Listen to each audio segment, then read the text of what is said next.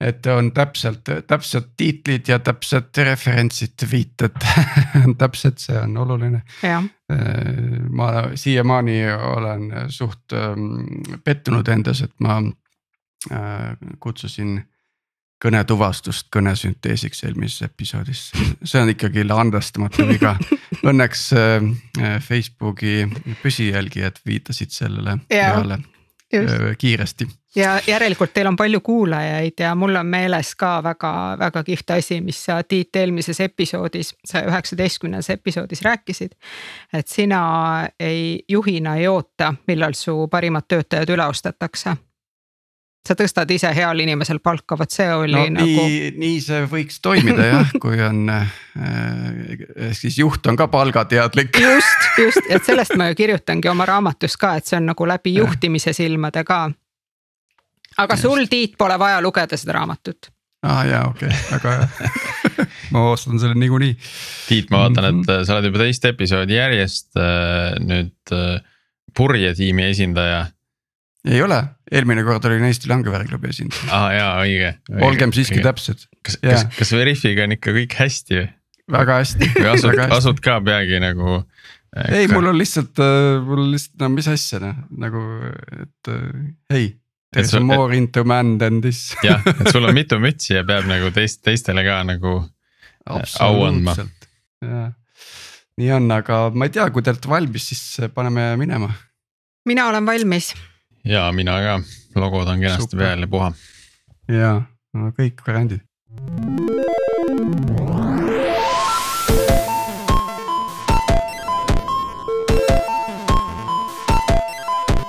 Tere jälle Algorütmi kuulama, eetris on meie saja kaheksakümne kolmas episood ja mina olen Tiit Paananen Sleeper Sailing tiimist ja minuga koos veab saadet Priit Liivak Nortalist. tere Priit, kuidas tunned ennast sellel järjest soojeneval kevadpäeval äh,? Naudin täiega, naudin seda soojenevat okay. kevadpäeva, et. Äh, paneme selle algoritmi siis purki ja, ja lähme kevadpäeva tegema yeah.. aga tänane saade on tegelikult, äh, see on tegelikult kõigile, äh, sealhulgas loomulikult ka arendajatele ja, ja räägime palgast, kuidas palk määratakse, kuidas oma palka läbi rääkida, nii siis värbamisel kui juba ettevõttes töötades ja. selleks oleme pannud Algorütmi meie korduva külalise Irene Annuse, kes on ettevõtja, koolituse ja karjäärinõustamise ettevõtte Parim sinust vedaja ja, ja Irene tegelikult käis meil episoodis sada üheksateist rääkimas retrodest ja, ja nüüd on ta üllitanud äh, toreda raamatu nimega Palgateadlik läbi elu. Awesome, et äh, Irene, tere, tere tulemast saatesse ja, ja alustaks kohe sealt pihta, et mis sind ajendas seda raamatut kirjutama ja äh, aitäh sissejuhatuse eest, Tiit ja, ja aitäh, et kutsusite juba teist korda mind siia saatesse äh,. mu lemmik tehnoloogia postka-, postkast, issand, podcast ja. Eestis äh,, Algorütm Äh, et äh, aitäh teile ja mis mind ajendas seda raamatut kirjutama, ongi siis äh, seesama teema, millega ma olen esialgu hobi korras tegelenud aastast kaks tuhat üheksa, juba eelmisest majandusmasu ajast peale. et siis läbi iseenda kogemuse, et ma ise olin koondatud sellel ajal EMT-st koolitaja kohalt ja siis äh, mul läks päris kaua aega, äh, et leida endale uuesti töö, et see oli väga keeruline aeg, sellepärast et äh, noh, ma olen siin raamatus ka natukene kirjutanud, et, et alati on huvitav Äh, millest mingi raamat või, äh, või tegevus on inimesel alguse saanud ja kui see on seotud tema enda looga, et siis see nagu noh, lihtsalt seob sind ja puudutab, sa saad sellest paremini aru. et ei ole nagu niisama sihuke teooria või romaan ja noh, see koondamine pole midagi nii äh, imelikku tänapäeval, et, et nüüd on jälle keerulised ajad ja ja võib-olla nii mõnigi võib-olla samasuguses olukorras.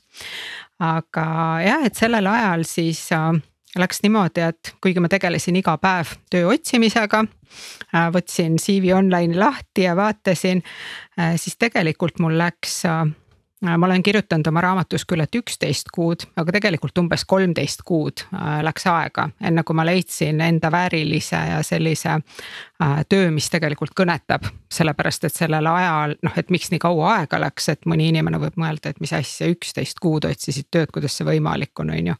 kui sa iga päev otsid, aga. mis sul viga on? mis sul viga on jah et viga on midagi või? Eh, liiga kõrged nõudmised. jah, jah, et oma viga on ju. ebarealistlikud ootused, eks ju.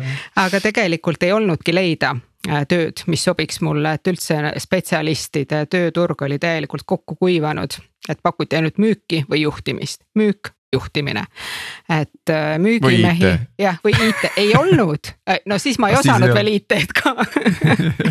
IT-sse ma poleks saanud, aga, aga jah, et noh, lihtsalt äh, kokkuvõttes, et äh, olen sellega tegelenud siis hobi korras palganõustamisega äh, sellest eelmisest majanduslangusest alates.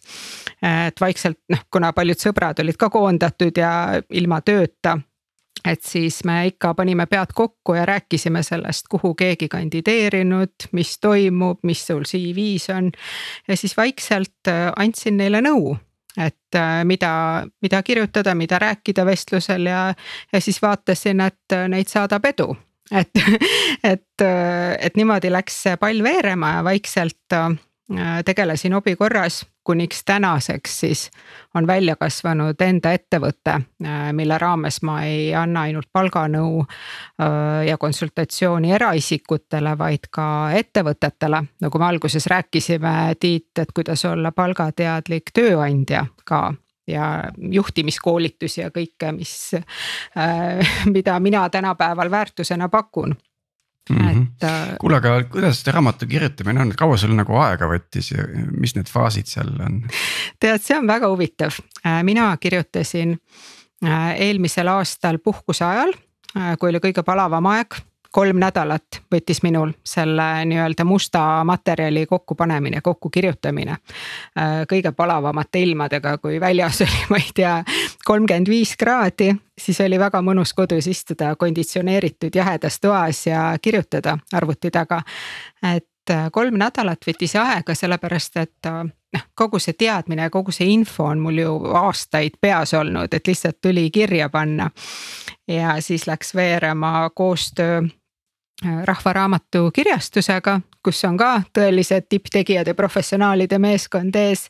et toimetajaga, siis põrgatasime neid tekste ja vaatasime, sättisime, siis tuli koostöö kujundajaga ja läkski juba trükki.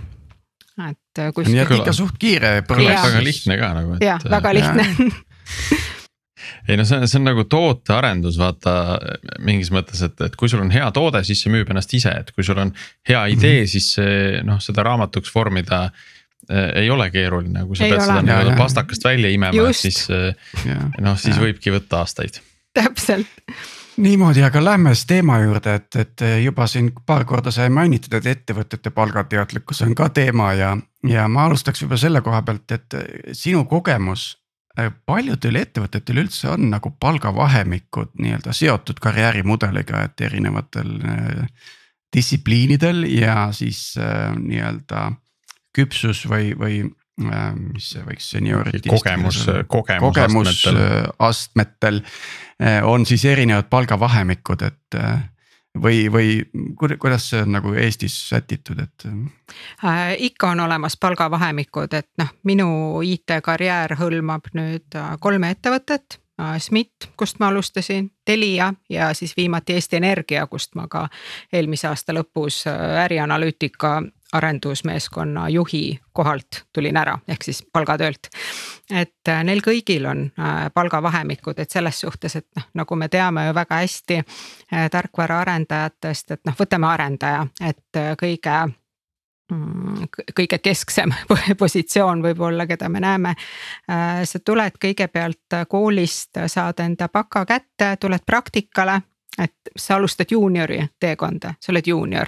et äh, kui on juba rohkem kogemusi ja, ja et sa ei vaja enam nii palju teiste abi, oled iseseisev, et siis sa äh, vaikselt liigud nagu edasi ja edasi.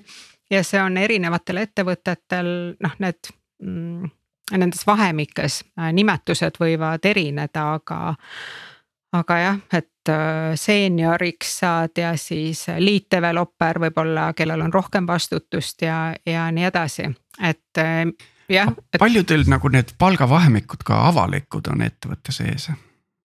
mina, mina ei ole näinud, et lo-, et loomulikult. kas on ettevõtte sees avalikud või ettevõtte väliselt avalikud? sinna välisesse jõuame ka kohe, mis puudutab seda, et kas on palk, kas on palk äh, kirjas positsioonil avalikult, avalikult ma ei ole näinud ausalt öeldes, et äh, noh, kui ma võtan enda viimase positsiooni ise äh, juhina, äh, arendusmeeskonna juhina, et siis loomulikult juhtidele noh ettevõtted teevad ju iga aasta tellivad äh, uuringuid, eks ole, et, et mis see, kuidas see palk on muutunud, eks ole, sealt tekib mediaan ja selline. seal on mingi Fontese uuring ja, ja mingi just, Merceri uuring, eks ju. et võetakse kõik äh, need IT-ettevõtted ja, ja sarnased positsioonid, et need on üsna täpsed.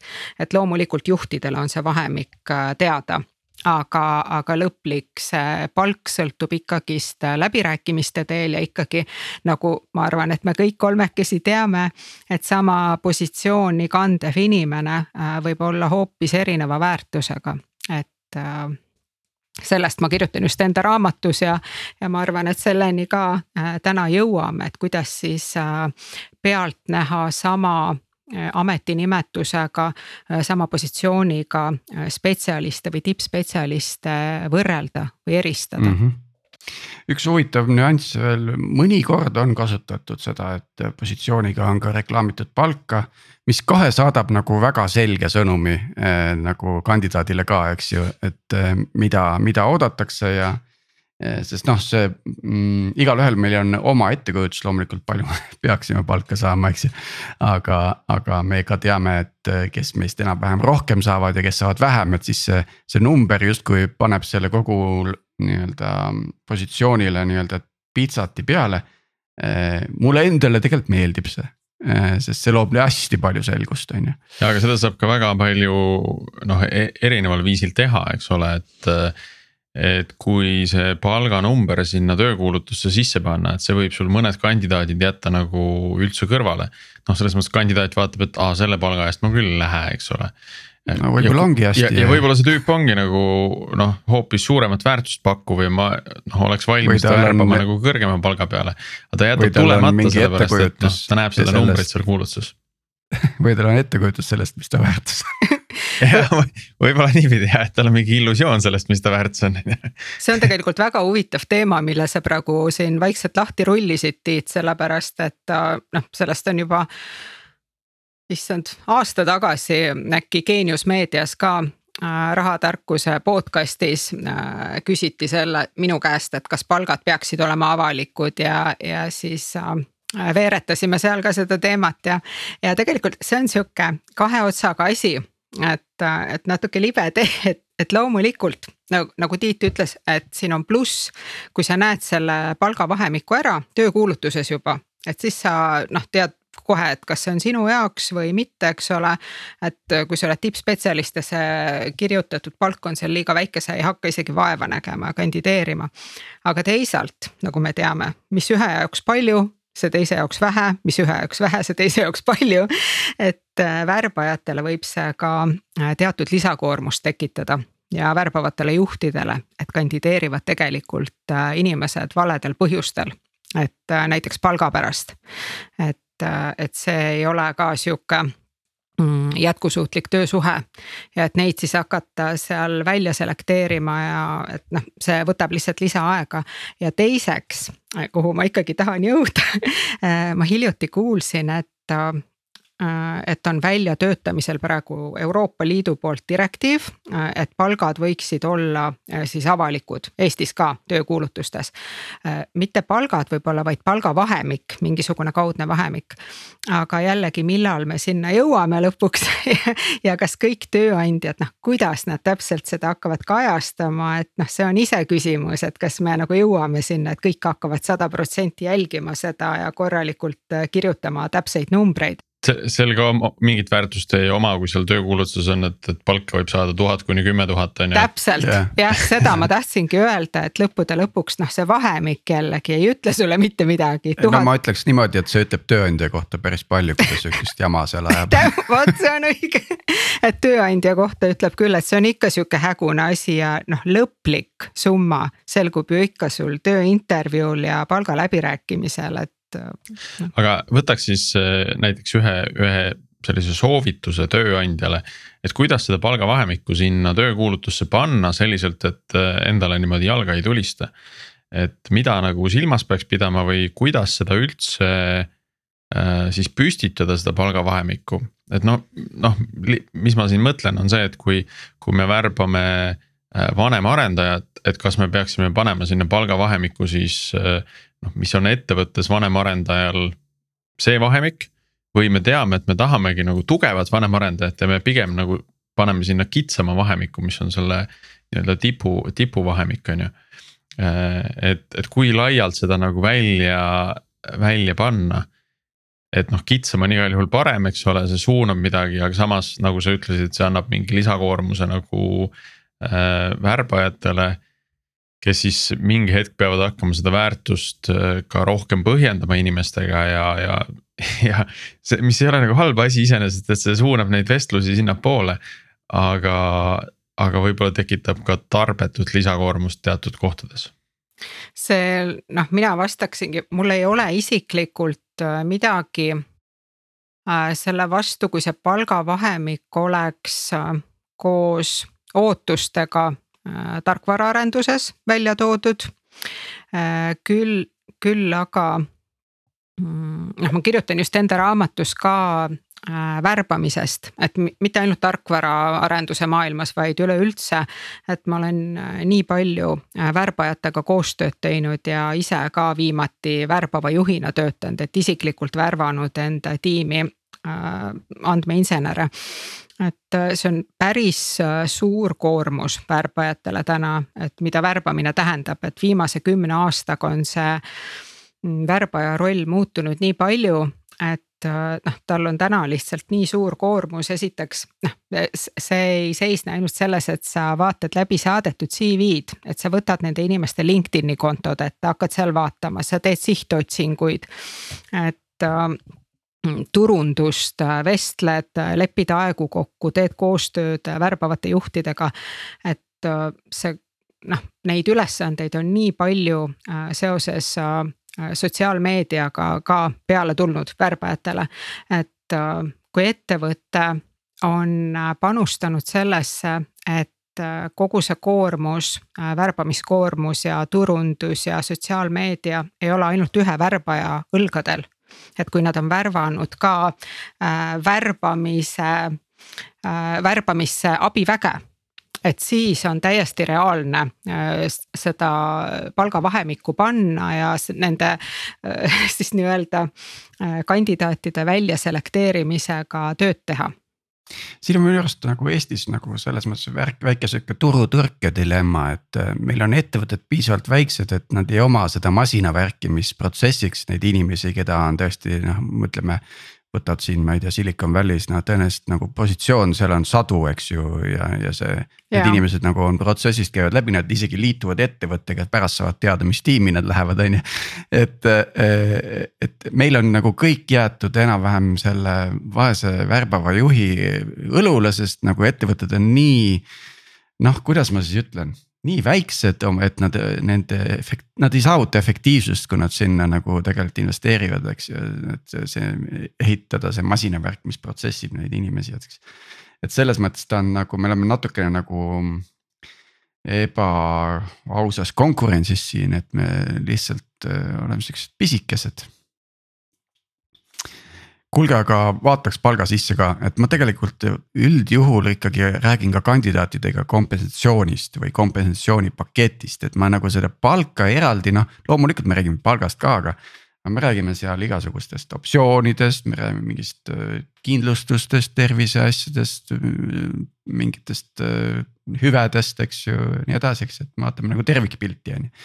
mind ennast huvitab just äh, asi, mida ma olen ise kõvasti praktiseerinud, on see, et et kuidas see optsioonide ja, ja palga balansseerimine on, et et päris mitmes ettevõttes äh, oleme rakendanud seda, et sul on alguses nagu valik, et kas sa võtad rohkem optsioone ja vähem palka või siis vastupidi. ja siis see valik käib sinuga natukene nagu kaasas, aga mingil hetkel ta kukub nagu ära, sest keegi ei jõua track ida, et kes, mis valiku tegi, on ju. et siis, siis tegelikult, kui sul on pikk plaan, on ju. see läheb natuke nende palgavahemikega ka nagu äh, risti vastu, et. ei lähe, ta, sa oled tuleb palgavahemiku alt sisse kompensatsioonivahemikku pead vaatama siis ja, nagu kuidagi laiemalt. Nagu, sa tuled sealt alt sisse palga suhtes on ju, samal ajal sa võtad võib-olla mingi kolmkümmend prossa rohkem optsioone on ju ja siis, kui sul on pikk plaan, siis paari aasta jooksul su palk niikuinii tõuseb enam-vähem sinna mid või noh, vastavalt sinu selle tulemuslikkusele, eks ju. Ja, ja sul, sul on tegelikult rohkem optsioone käes, on ju. et mm, noh, ega ma saan ka aru, et optsioonide jagamine, see ei ole siin nagu mingi meeletult levinud praktika tänaseni, aga, aga ilmselt järjest rohkem siiski. Täpselt, ma olen ka seda märganud järjest rohkem. Ja, ja ausalt öeldes noh ma, ma kujutan ette, et tänapäeval on väga-väga-väga palju äh, teadlikke inimesi, kes investeerivad ja ostavad ise optsioone ja kasvatavad enda portfelli, just mõtlevad oma pika plaani peale. et sa, et sul ei ole ainult see palk, millest sa elad palgapäevast palgapäevani, et, et äh, sellest investeerimisest on nii palju juba räägitud ja kui sa oled selline teadlik inimene ja tead, millega tegu, eks ole? Siis palgaläbirääkimisel äh, ma olen kuulnud, et järjest rohkem äh, pigem mm, jäetakse see põhipalk võib-olla väiksemaks ja võetakse siis optsioone äh, teadlikult, et see on ju suurepärane valik et seda järjest rohkem pakutakse, Eesti tehnoloogiaettevõtted pakuvad. see on super, super äge. Ja, ja minu meelest motiveerib ka rohkem, et see annab sulle rohkem omanikutunnet. Et noh, siin on vaata see, see, see paindlikkus tegelikult töötab mõlemat pidi, mõlemale seltskonnale hästi, et no ütleme, et kui sa oled keskealine, sul on laenud peal, liisingud peal, eks ju, lapsed on väiksed sa ei ole nagu, sa ei tule nagu kolmkümmend prossa palgas alla ja nüüd loodad tulevikus hakkab, on ju, sest sul pead nagu oma arved ära maksma, on ju. et äh, siis on, siis on ju, siis on ju põhjendatud see, et sa võib-olla võtad sealt ülemisest otsast selle pakkumise, eks ju ja, ja siis äh, sealt sa saad ka optsioone, aga mitte nii, nii palju, eks ju, aga et see on sinu teadlik valik, eks ju olnud, on ju. et, et, ähm, et selles mõttes see paindlikkus on hea ja aga, aga jah, ma ei ole nagu nii-öelda väga avalikult kuulnud sellest ettevõtteid nagu rääkimas, et jõu, meil on selline asi, süsteem paindlik ja kuidagi nagu kõik on kuidagi ikka sellised. varjavad nagu, oma neid soodustusi. täpselt, need on siuksed nagu tead ei, igaks juhuks ei räägi, et äkki tead tead kuidagi kahjustab meid, et no,. selles mõttes sellest teha enda tugevus on ju. see muutmise moment on ka nagu alati see väljakutse, eks ole, et. et kui sa nagu ühe, alati on see tunne, et kui sa paned ühe pakkumise sinna töökuulutusse, ütleb, meie teeme nii. ja kui sa siis seda ühel hetkel muuta tahad, et mida siis mõtlevad need inimesed, kes noh mingis, mingis varasemas perioodis nagu selle pakkumise said, on ju. et võib-olla need uued asjad on nagu hoopis äh, atraktiivsemad mm. -hmm. no üldjuhul see tegelikult ei lähe, sest ütleme, kui sa oled seal ettevõttes, noh, ütleme, võtamegi startup'i situatsiooni, et sa oled nagu no,. mida kauem oled, seda parem on, on ju. jah, kümnes töötaja, siis, siis kui nüüd see et, ettevõte lendab, et siis see, sinuga on tegelikult kõik väga hästi võrreldes sellega, kes liitub viiesajandaga niimoodi, aga kuulge äh, igasugused palgaläbirääkimised, inimesed vaatavad inflatsiooninumbreid äh,. ettevõtetel puuduvad sõnumid, et jõu, et kuidas me nüüd siin nagu seda, seda vastu tuleme sellele, sellele olukorrale on ju. ettevõtted, kes just värbavad, saavad endale kandidaadid, kes ütlevad, et no siin see eelmise aasta numbrid, mis mul olid, see ei lenda ilma üldse, vaadake inflatsiooni, et siin on hoopis uued numbrid, on ju. et mida siis, mida sellega teha, mida nendes vestlustes äh, silmas pidada? oma tugevusi, enda väärtuspakkumist, et just äh, eile tuli välja ka üks börsisupi äh, episood kus nad panid siis pealkirjaks, et noh, rääkisime just inflatsioonist ja palgaläbirääkimisest, et, et juht ei taha kuulda inflatsioonist. et noh, kui sa lähed palka juurde küsima, et see no, noh, see lihtsalt, kusjuures võib tunduda, eks ju teile, tarkadele meestele ka kummaline, et keegi tuleb veel täna rääkima inflatsioonist, kui sa tuled juhi käest palka juurde küsima, sa oled tippspetsialist. ja tuled palgaläbirääkimisele, et tead, et oleks vaja palka juurde, sest inflatsioon on, et mul on elektriarved ja kõik autoliising tõusis ja. ja siis nagu kas see on võimalik? On, ma võin kinnitada, et see on võimalik, et enda kogemus ka juhina äh, veel eelmisest aastast ka minu käest on tuldud palka juurde küsima ja toodud inflatsiooni. ja siis see nagu. mis põhimõtteliselt kas... nagu saadab selle sõnumi, et see inimene ei saa üldse aru, kuidas see majandus nagu toimub, et ta on justkui majandusest eraldiseisev isik, kes kuidagi süsteemist nagu suudab äh, ellu jääda ja kõik teised kaotavad, tema võidab. et see, et see palk, ta ootab nagu, et see palk on selline nagu hüvitis või, või noh, et. jah, just, just, just et nagu, et nagu hüvitis. mis, mis aitab tal elada. aga tegelikult see on hoopis midagi muud, see on ju kompensatsioon selle väärtuse eest, mis ta pakub täpselt ja noh, siis äh, tulebki inimesi, noh, tulebki teha seda selgitustööd, et selles, äh, selles ei ole ka midagi halba ja mõni inimene tegelikult, kes tuleb äh, küsima palka juurde või kandideerib ja räägib, võtab suhu sõna, mida me keegi ei taha nimetada, inflatsioon on ju nimi, mida ei tohi nimetada. et, et võib-olla ka lihtsalt teadmatusest, et noh, oledki aus ja siiras inimene ja, ja mõtled, et miks ma ei tohi rääkida inflatsioonist, et see on ju tõsi, et sellepärast mul ongi kõik kallimaks läinud. aga tegelikult äh, tuleks noh, ükskõik, kas on inflatsioon, majanduslangus, tõus, mis iganes, pole oluline, räägi enda tugevustest, enda väärtuspakkumistest, enda arengust, sellest, kuidas sa tood väärtust, mida sa teed, kuhu sa tahaksid areneda, kuidas, mida sa oskad, eks ole. et see on see huvitav äh, osa, mida juhid tahavad kuulda nii palgaläbirääkimisel kui ka tööintervjuul. selle eest ju makstaksegi, nagu sa ütlesid, Priit. et siit me juba lähemegi nende palgaläbirääkimiste nagu äh,, kas see, kas see töötamise ajal ja tööintervjuul palgaläbirääkimised kuidagi erinevad? Äh, ja, ja ikka erinevad selles suhtes, et kui sul on juba olemasolev töösuhe, ütleme, et kaks aastat oled ühe tööandja juures töötanud. et siis on seal äh, konkreetses ettevõttes ja konkreetses rollis või positsioonis toimunud äh, teatud areng, ma usun.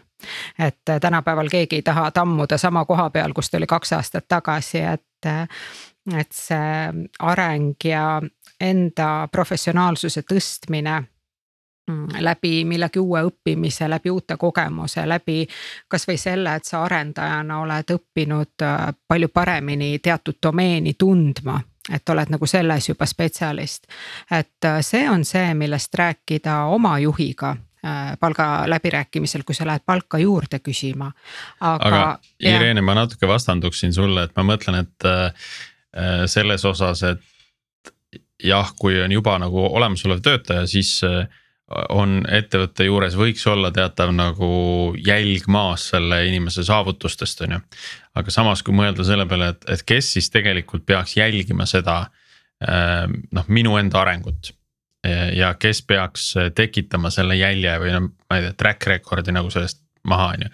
et see ei ole see tööandja, kes peaks nagu seda, seda jälgima, et, et ma peaks ikkagi ise enda saavutustel silma peal hoidma ja siis suutma neid saavutusi välja tuua, sõltumata sellest, kas ma lähen nagu töövestlusel seda palka läbi rääkima. või siis eh, enda olemasoleva juhiga. Eh, kes võib-olla ka ei ole nagu minu tegevustes niimoodi nagu kättpidi igapäevaselt sees, on ju. ja ma saangi talle meelde tuletada, et kuule, vaata, ma tegin siin seda ja, ja teinekord juhtisin seda projekti, on ju. Eh, et, et tema ei pea nagu jälgima minu asju, ma pean ikka iseenda asju jälgima täpselt, see on väga hea asi, millest sa praegu rääkisid, nägid, kui tuliselt me Tiiduga noogutasime siin sinu jutu peale. et see on just täpselt see, millest ma enda raamatus kirjutan ka. et mõnikord noh, jällegi mitte ainult tarkvaraarendusmaailmas, vaid üleüldse töötaja, kui ta tuleb juhiga palka läbi rääkima. et siis nagu justkui no ma räägin ka enda isiklikust kogemusest, ka minu käest on tuldud niimoodi palka küsima ja eeldatud, et ma justkui tean inimese arengut, et kuidas, mis juht sa oled, kui sa ei tea, siis eks ju. ja siis sa vaatad inimesele otsa ja mõtled, et okei okay,, noh selgitad talle, et vaata, mul on juhtimisülesanded, eks ole, jah, ma tean, kes sa oled, ma tean su tugevusi inimesena, inimeste juhina. ma tean, millega sa tegeled ja mul on siin veel, eks ju, rida asju, juhtimisülesandeid. et kui ma peaksin iga töötaja kohta mingisugust faili kuhu ma kirjutan, et mis ma täna kuulsin, et noh, ta rääkis midagi sellest koolitusest ja nüüd ta õppis seda ja. ja nüüd ta pakub juba siin mentorlust, eks ole. kui ma jälgiksin iga inimese kohta, täidaksin mingisugust faili. et siis ma võin mürki võtta, et ka seal jääks midagi puudu, sellepärast et ükski juht, ka mitte kõige tähelepanelikum, ei ole kursis konkreetse inimese arenguga paremini kui ta ise.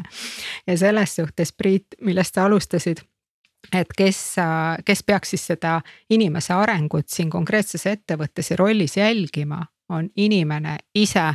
et seda ma olen ka rääkinud, see on su enda huvides ja IT-maailmas on ju hästi lihtne, teed endale kasvõi Confluence'is mingisuguse isikliku page'i, kuhu sa hakkad ise kirjutama, mida sa juurde õppisid, kus koolitusel sa käisid. Äh, missugust, äh, ma ei tea, gruppi sa nüüd eest vead, võtsid enda õlgade peale kohustusi, keda sa oled mentordanud, eks ole, kui kiiresti need inimesed on hakanud äh, kasu tooma ja nii edasi ja nii edasi. ja selle sa võtadki siis, kui sa lähed oma juhiga rääkima et näed ja kindlasti tuleb sealt juhile ka üllatusi, oh, ma ei teadnudki, et sina olid selle asja algataja. või, või on tarvis CV-d kokku panna, et siis ka. uuendada äh,. alati mm. ei ole midagi meeles, ehk siis on need suured saavutused meeles. aga, aga kindlasti on äh, neid igapäevaseid üllatusi, mida tegelikult annaks äh, ka CV-sse lisada mm.. kuulge, aga kui sageli seda palgajuttu siis peaks ajama, et ma toon oma näite, et meil on tegelikult ettevõttes Veriffis on äh, on kaks korda aastas äh, see salary review cycle, üks on nagu põhitsükkel sügisel, eks ju. ja, ja teine on siis kevadel, mis võimaldab sellist nagu nii-öelda ähm,, kuidas ma siis ütlen, adjustment, mis see on kohendust ko. kohendada natukene eks ju, et, et sügiseks on nagu numbrid olemas, on ju, mis nagu turg teeb, eks ju, kevadel on võimalik nagu järele aidata siit-sealt, kus on vaja, on ju. ja, ja see töötab minu arust päris hästi. Äh, ja, ja see on puhtalt data põhine, eks ju, selles mõttes, et need vahemikud on ju update itud sügiseks on ju. kevadel saab ka vaadata, noh ju tunnetus on olemas, eks ju, kuhu suunas liigub, mis turul parajasti toimub, et. et, et aga, aga kas ütleme ettevõttel, see on siis see strateegia, millega neid ootusi juhtida, et muul ajal ärge tulge selle palgajutuga, on ju või siis, äh, kui ikkagi on sihuke tunne, et äh, palk on nagu paigast ära, et mida see vaene töötaja siis peab ootama see kuus kuud, kuni järgmine tsükkel algab või? Tiit, sa ütlesid praegu sellise asja, et Veriffis lausa kaks korda aastas vaadatakse mm -hmm. palgad üle. aga kas see ei ole igal pool nii või? Ei ole, ma kirjutasin selle mm. isegi üles, ma kuulen esimest korda aastas. sellepärast, et noh, ma kirjutan enda raamatus ka sellest, et kui küsitakse hästi tihti, et mis see aeg on, kui tihti peaks sellest palgast läbi rääkima, on ju. ja, ja ma kirjutasin enda raamatusse, et minu praktika ja teadmiste kohaselt on Äh, järjest rohkem äh, ettevõtteid ja organisatsioone, kus kord aastas äh, on selline hea praktika, et vaadatakse palgad üle.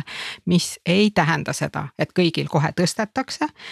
ja minu meelest see ongi hea, et vaadatakse palgad üle oma juhiga, vaadatakse inimese areng, eks ole, kõike seda ja kui on vaja, siis korrigeeritakse.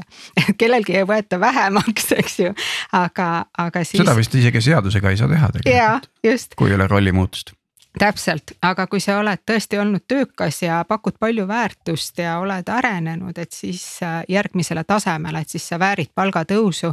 ja sa ei peagi nagu noh, äh, mis on selles praktika juures hea, sa ei pea nagu mõtlema kogu aeg, et millal ma lähen, kuidas ma, millal ma lähen oma juhi kabinetti ja kuidas seda rääkida. see praktika on olemas, sisse kirjutatud, aga, aga väga palju noh ma, ma kujutan ette, et rohkem on ettevõtteid, kus sellist praktikat üldse ei ole. ja, ja seal on probleem, et, et inimene on võib-olla viis aastat sama palka teeninud või isegi kauem.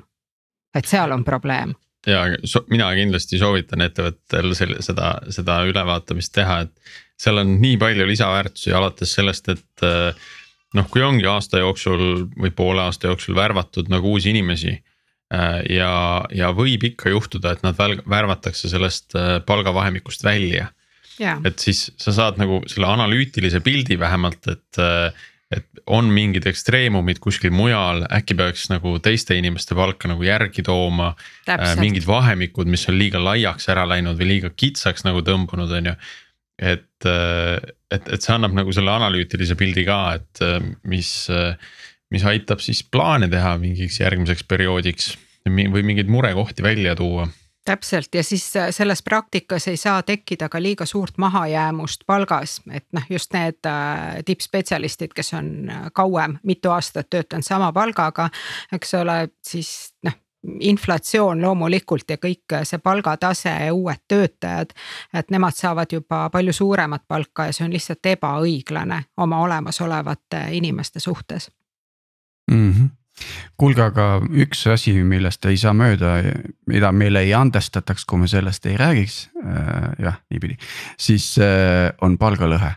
et äh, ehk siis soopõhine äh, palga erinevus äh,, mis Eestis minu teada keskmiselt on mingi, oh ma nüüd panen puusalt, aga kindlasti üle kahe, kahekümne protsendi ringis äkki kas see on tarkvaraarendussektoris ka äh, ma tahaks uskuda, et pigem vähem.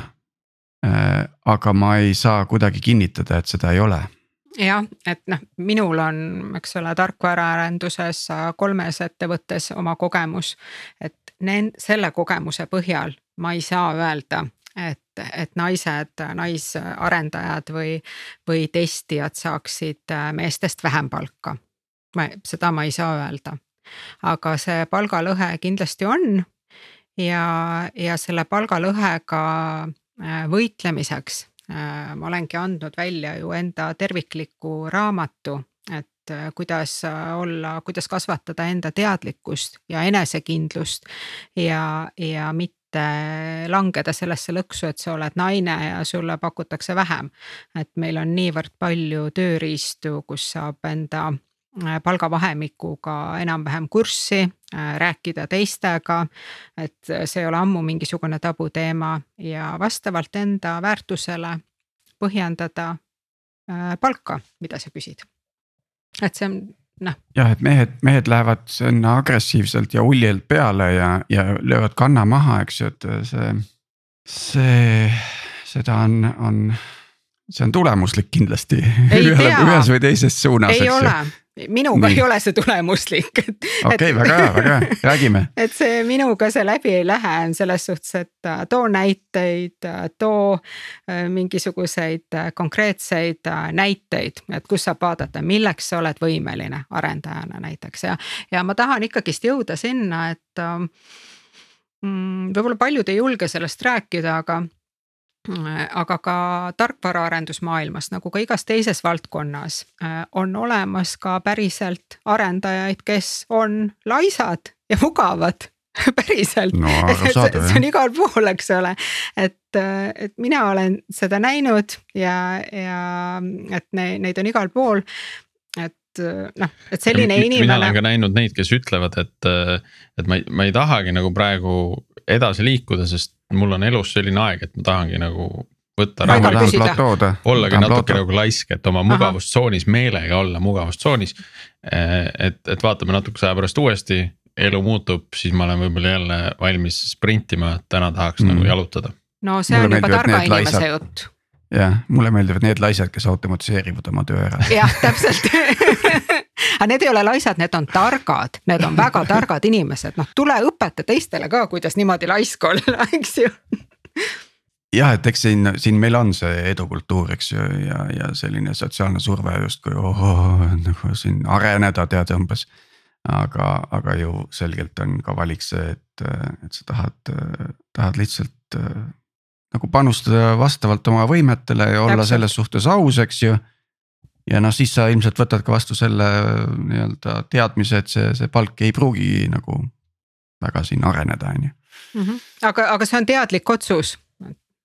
mina tahaks ühe müüdi veel äh, maha murda, et äh, vahel äh, tekitatakse selline hästi range seos siis enda rolli või siis ka nii-öelda eh, noh, kogemus, kogemusastme vahel, kogemusastme ja palga vahel. et kui ma täna olen nagu kesk, keskastme arendaja, eh, siis selleks, et palka juurde saada, ma pean saama seenioriks mm -hmm.. noh, et see on, see on nagu. ei alati..., see, see on nonsense. jah, et see. no oletades, nagu et sa oled siis selle keskastme taseme ülemises otsas või? No ütleme, et on palgaga. ülemises otsas, aga noh, sama hästi ka see keskastme ülemine ots ja, ja seeniori alumine ots võivad olla nagu väga. väga sarnased või lähedal äh, nagu noh, marginaalse mõistlik. erinevuse võrra see on, need on liiga ranged piirid, ma olen absoluutselt nõus Priiduga ja, ja tihtipeale see noh, arendajale siis, kes, kes tahabki saada selget sotti, et noh, täna olen juunior, eks ole, et ahah, et ma ei saa ennem küsida palka juurde, kui ma olen seenior. ja selleks on vaja seda, seda, seda, seda, seda noh, mingid kriteeriumid, rida kriteeriumeid, millele vastata, eks ole. et sul kulub võib-olla kolm aastat, et sinna jõuda. et äh, selles suhtes mulle meeldivad, meeldib väga äh, kirjeldada tarkvaraarenduse puhul rollide väärtuspakkumist äh, T-shape rollidena. et võib-olla olete kuulnud, et E-shape on see väga kitsas, et ma olen, teen ainult arendamist, olen ainult analüütik, ma ei taha midagi muud teha, arendamine on minu jaoks liiga keeruline, ma tahan ainult enda asja teha, on ju, ma ei taha. sa oled see üks äh,, ühel, noh, kindel spetsialist, eks ole. aga kui sa oled analüütik kes natukene, nüüd hakkab see T-shape tulema, T-täht on ju, kes natukene oskab arendada kes aitab testida. et noh, et see katus hakkab sul kasvama, eks ole, et sa pakud natukene rohkem väärtust. et see katus kasvab sulle kas siiapoole või sinnapoole või näiteks oled arendaja, kes teab ka haldusest eks ole, kes oskab halduses ja, kaasa aidata. kes oskab tiimi juhtida. kes oskab tiimi juhtida, kes oskab roteerida näiteks äh, Scrum Masteri rolle, kui ta läheb puhkusele, kellel ei ole mingit probleemi. et tavaliselt alati noh, mõnikord see tiimi juhtimine, äh, noh, ma olen ise olnud ka Scrum Master ja Agile coach kui on vaja puhkusele minna. et noh, et tegelikult, et kelle, kelle töö see sprint on, et on ju, see on ju tiimi oma et see ei ole mingi Scrum Masteri vastutus. kui ma tahtsin puhkusele minna, siis vahel on ikkagist see, et noh, et, et kes viib retro läbi või, või kes võtab sprint planning'u enda peale, siis on niimoodi, et ja et kui Scrum Master ära kaob, et siis äkki me kaks nädalat ei tee neid asju. ja et siis arendajad, aga äkki jätame ära et ärme tee retrot, on ju. aga, aga olen näinud ka täitsa selliseid arendajaid, kes ütlevad, ah ma teen, on ju, et väga hea vaheldus, vaatame, mis välja kukub. et see on see väärtus, mida sa pakud lisaks enda kitsale rollile ja sellest on minu meelest sellest T-shape'ist palju lihtsam aru saada ka kuidagi et siin ei ole mingid kriteeriumid, vaid siin on valmisolek ja teadmised, mida sa suudad teha või näiteks arendajana et sa ei arenda kitsalt ainult ühes programmeerimiskeeles, et sa ei ole ainult Java arendaja, ma tean Pythonit, ma saan SQL-iga aidata, eks ole. see on Kuidas, see väärtus. noh, et kui me nüüd võtame, me oleme sellest väärtusest palju rääkinud ja läbirääkimistest ka, et. et milline siis on selline hea ja tulemuslik äh, palgaläbirääkimiste strateegia. Äh, et noh, et kas ma astun sisse ja küsin kohe topeltpalka ja siis me jõuame kuskile nagu keskele keskele kokku, eks ole Äh, või siis, et äh, noh, et mida selleks on vaja äh, mõlemalt poolt. et nii tööandja kui siis selle töötaja poolt võib-olla ette valmistada, mis on see info, millega sinna vestlusele minna. ja, ja kuidas üldse, kuidas seda infot siis kasutada seal, et jõuda sellise tulemuseni, mis on, mis on win-win on ju, mis ei ole nagu kompromiss, vaid mis on seal mõlema, mõlemat poolt rahuldav jah, win-win, mitte win-lose ega kompromiss, eks ju. Äh, see on väga hea küsimus sinult ja sellest ma kirjutangi just enda raamatus, just nimelt ma räägin äh, kasulikkusest mõlemale osapoolele. ma ei esinda ainult äh, inimest, kes läheb palka juurde küsima või kandideerima, eks ole, et nõudke nii palju kui võimalik. vaid ma soovingi just läbi enda raamatus näidata, et töösuhe on partnerlus, et see on mõlemale osapoolele kasulik. ja mis oleks kõige parem strateegia, kuidas minna palka juurde küsima äh, kuna sa küsisid Priit just äh, palka küsima, mitte kandideerima, et siis äh, ma tooksin välja selle, mida ma ennem ka mainisin. et kui sa lähed palka juurde küsima, see tähendab, et sul on juba välja arenenud äh, koostöösuhe, mis on kestnud mõnda aega äh, selle konkreetse tööandja juures ja sul on tekkinud seal ajalugu. ehk siis noh, ette tuleb valmistada kindlasti, et läbi mõelda, mis su väärtus on, eks ole, mida Äh, kui palju rohkem sa pakud täna väärtust sellest, kui sa tulid siia tööle, ütleme kaks-kolm aastat tagasi, poolteist aastat tagasi, et noh, mis iganes, mis väärtust sa täna pakud, mis see sinu T-shape on? Äh, et, et või, või sa oled jäänud ainult kitsalt oma äh, konkreetse ala maailma parimaks spetsialistiks tahad areneda, on ju, arendamises või analüütikas või testimises, whatever. aga kui on see enda väärtuspakkumise pakett endale selge ja sa ise usud sellesse. kõige tähtsam on, et kui sa ise ei usu sellesse, milles sa parim oled, siis on seda väga raske ka enda juhile selgitada, eks ole, vaatad maha ja ütled, et no ma ei tea, mulle öeldakse, et ma olen hea tiimijuht. Aga ise ei usu, on ju, et sa pead nagu ise uskuma. Ja kui see äh, jutt on sul ette valmistatud, äh, siis tuleb ette valmistada ka konkreetne number eks, et sa ei saa oma juhile öelda ju, et noh, ma olen väärt suuremat palka, et no mis see suurem on, eks ole. et mis mm -hmm. ühele suur, see teisele väike. siis pannakse kümme eurot juurde ja. jah, jah, kolm protsenti, aga, aga selles suhtes ja, et mõtle välja konkreetne number, äh, pane sinna natukene juurde, et oleks ka läbirääkimisruumi äh, brutos et noh, mis see number on, mis sinu väärtusele sinu enda arvates vastab. Äh, ja mis sind aitaks täna, et noh, mis sinu jaoks oleks palgatõus, et sa ei hakka seal palgaläbirääkimisel arvutama, eks ole, et sul on see number juba välja mõeldud. kui see ettevalmistus on tehtud, enda väärtuspakkumine, enda number välja mõeldud, kui tuleb lõpuks äh, see päev et sa lähed oma juhi kabineti uksest sisse ja ongi see palgaläbirääkimine. siis kõige esimene asi, mida ma olen alati soovinud, on alusta tänuga. mille eest sa oled tänulik selles ettevõttes? et see on see, mida juht tahab kuulda et ei ole niimoodi, et sa ainult lähed ja küsid kogu aeg, eks ole, sulle on ka midagi tööandja pakkunud selle aja jooksul. Äh, rääkimata sellest, et tänu sellele tööandjale on sul iga kuu kindlal kuupäeval see sissetulek olnud, mille eest sa elad, eks et. see on ka huvitav asi, mida nagu ette valmistada, et kui sa Eh, noh, seda, seda tehes avastad, et ei olegi millegi eest tänulik olla. või midagi nagu sellist olulist ei ole seal noh. no miks sa eh, siis töötad seal, kui millegi midagi ei meeldi. võib-olla aeg nagu karjäärivahetuseks hoopis mitte minna nagu seda palka läbi rääkima. täpselt ja just täpselt sellest ma räägingi enda raamatus, et äh, kui lähed jah, see osa ka ettevalmistusest äh,. mõtle läbi, kas see palgatõus päriselt teeb sind õnnelikumaks et see ei muuda, kui sa saad palka juurde, sul on halb tiim äh, mürgine tiim, äh, liiga suur töökoormus, äh, ma ei tea, halb autoritaarne juht, eks ole, see ei muutu. Et selles suhtes, et jah, et kas see palk aitab sind. Ja kui aitab, siis mine palka läbi rääkima.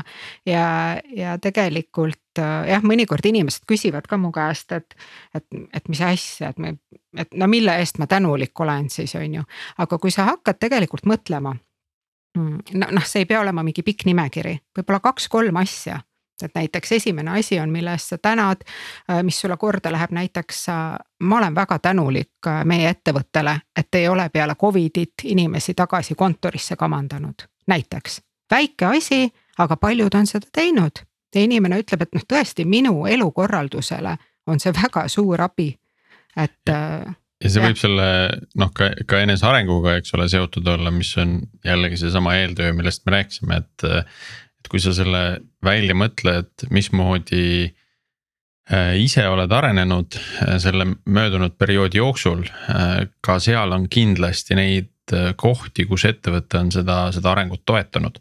Kindlasti. või, või seda võimaldanud, eks noh, ühel või teisel viisil. ja, et jah, et paar asja, mille eest tänulik olla. ja noh, neid kindlasti igal inimesel on, et juht tahab ka kuulda, et seda, mis on hästi ja mida jätkata, eks ole. ja siis äh, rääkida, minna enda väärtuspakkumise juurde et räägime siis, et noh, kuna ma olen nende asjadega rahul ja ma tahan siin edasi töötada ja areneda, et siis, et äkki räägime minu tulevikust siin ettevõttes et selles, mis, mida ma siin pakun, eks ole ja. aga mis siis saab, kui nüüd arendaja lähebki, ütleb, et ma olen siin andmeteaduse serti teinud ja ma olen Pythonit õppinud ära ja noh, et mu see T-shape läheb laiemaks ja siis. siis juht ütleb, et kuule, aga sorry, meil pole siin ettevõttes andmeteadust üldse või või et selle Pythoniga pole meil mitte midagi peale hakata, noh et.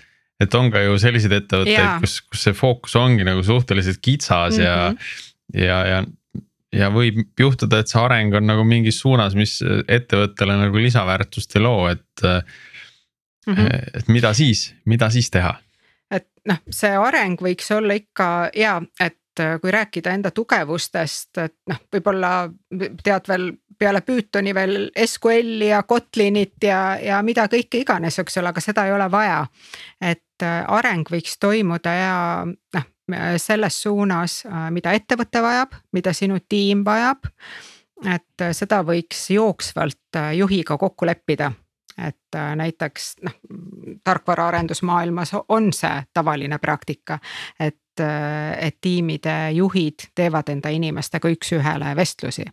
et äh, mitte ainult selleks, et küsida, kuidas sul läheb ja kas kõik on okei okay,, vaid ka rääkida võib-olla tiimi kasvavatest vajadustest, et näed, et juht räägib ka ausalt, et kuule, et näed, et meil siin tellija äh, tahab järjest rohkem tellida, on ju, et noh, et ma ei teagi, mõtlen, et võib-olla peaksime võtma veel ühe arendaja juurde või testija või noh, kelle iganes, eks ole.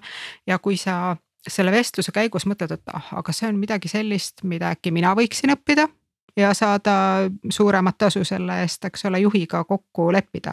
aga kuule, ma lähen sinna koolitusele, eks ole, või ma lähen sinna mentori käe alla, õpin selle asja ära et äkki ma saaksin ise siin aidata, eks ole, et vaatame, kas on normaalne koormus ja, ja kas üldse on vaja lisainimest, et võib-olla see tellija suuremate mahtude tellimine on ka ajutine aga siis on jälle oma tiimis olemas inimene, et jooksvalt rääkida neid vajadusi ja õppida Nii, seda, mis vaja.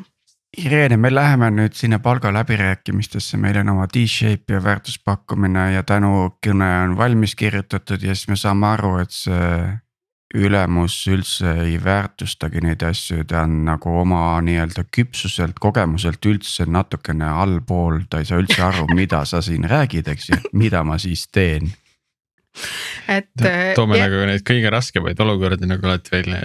no seda, see on suhteliselt äh, levinud see on levinud. et siis ja, tuleb, äh, siis tuleb raamat kaasa võtta. Ja et alustame sellest, nii abc siis tuleb raamat kaasa.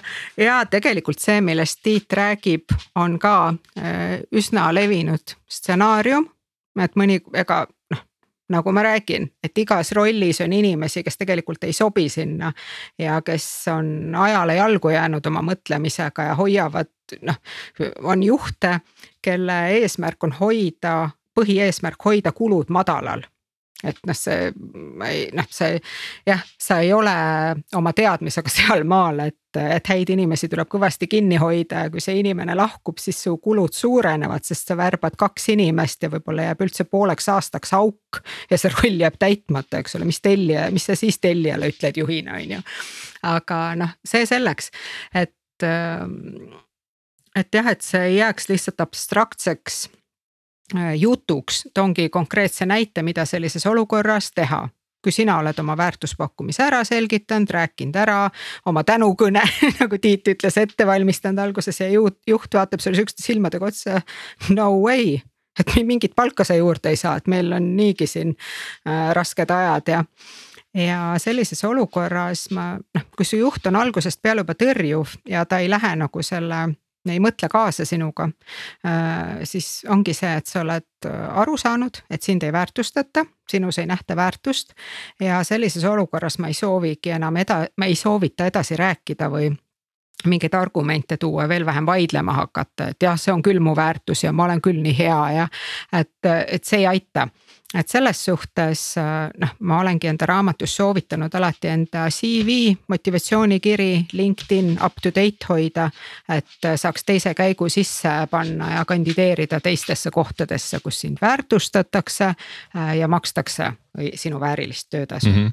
aga samas siin peab äh, hästi ka eri, eristama seda, et, et seda mitteväärtustamist ja selle väärtuse oh, põhjendamise soovimist ah., ei põhjendamise soovimist just, et. et, et kui see juht siis sealt teiselt poolt nagu hakkab esitama küsimusi selle väärtuse kohta või tahab sellel teemal arutleda või seda rohkem avada. noh, et see ei tähenda seda, et, et ta ei väärtusta, ta tahabki paremini lihtsalt aru saada. ta tahab näha, rohkem teada. ta tahab rohkem teada, et, et, et ka töövestlusel on ju noh, sage näide nagu sellest, kuidas inimesed ütlevad, et ja ma tegelesin selle tehnoloogiaga, on ju, noh, et ma tegin seda projekti, aga noh, noh, mis sa siis seal tegid, et räägi. mis nagu sa ära täpselt. tegid? just, et räägi, et mida sina tegid seal on ju, et. et okei okay,, et sa olid projektis, kus see tehnoloogia oli sees, aga, aga mida sina seal sellega tegid, on ju, et. et too yeah. mõni näide, räägi mõni lugu, on ju, et see noh, see tõestamine. Äh, heas mõttes tõestamine või nagu läbi näidete tõestamine, et see Äh, see on pigem nagu vajalik osa sellest protsessist. see on hädavajalik ja sellest ma olen kirjutanud enda raamatus ka, kui ma defineerisin ära palgateadlikkuse. et äh, üks palgateadlikkuse osa ongi see, et sa oskad argumenteerida äh, ja vajadusel näiteid tuua. see on hästi oluline, et sellepärast ma soovitan ka inimestel, et noh isegi enda CV-s, et kus sa oled kirjutanud, et noh, kolm aastat töötasin siin näiteks Veriffis, neli aastat töötasin Pipedrive'is.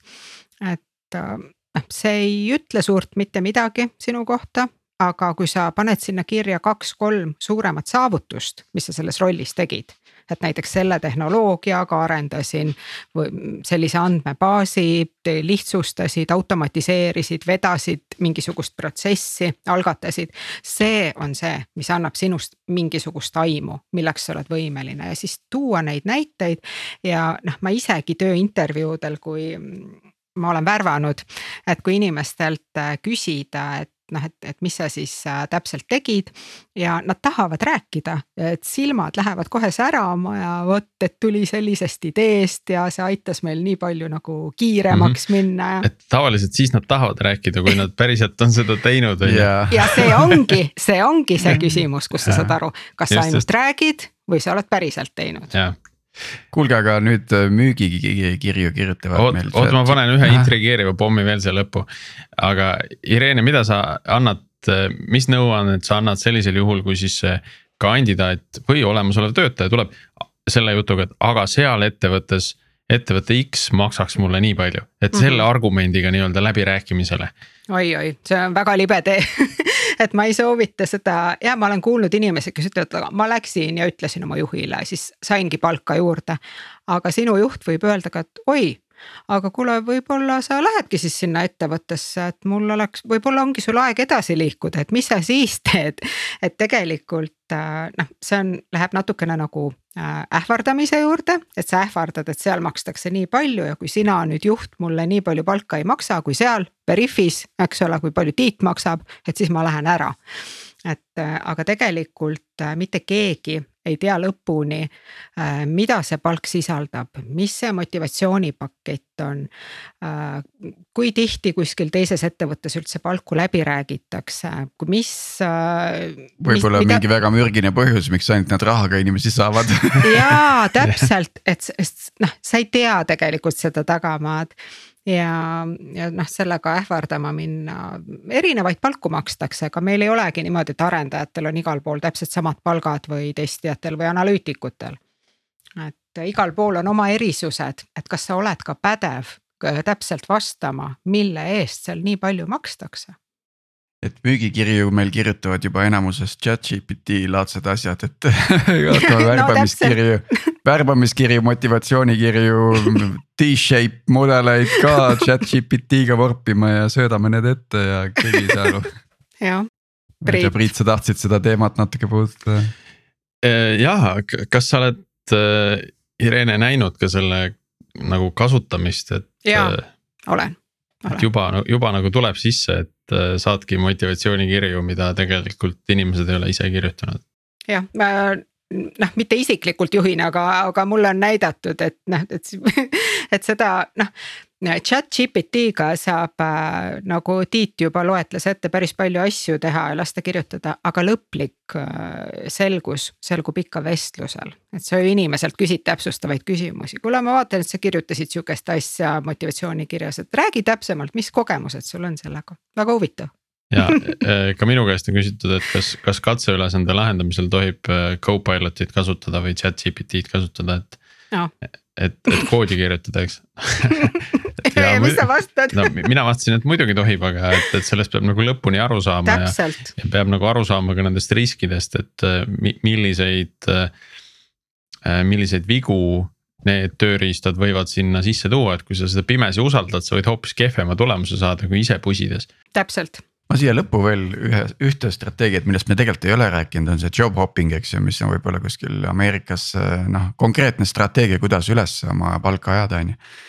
et, et konkurents on hästi tihe, kas Eestis on ka sellist, selliseid inimesi, kes seda kasutavad, et mm. oma numbrit ei. üles saada mul ei ole küll kogemusi olnud, et, et Eestis, kes tahavad palka üles saada, ongi öelnud seda, et mujal makstakse rohkem, noh, et see mm, on ju. et see ähvarduse strateegia. ähvarduse strateegia. meil vist nähakse natuke seda punase lipuna ka, et kui, kui inimene on olnud paljudes ettevõtetes ja igas ühes nagu lühikest aega.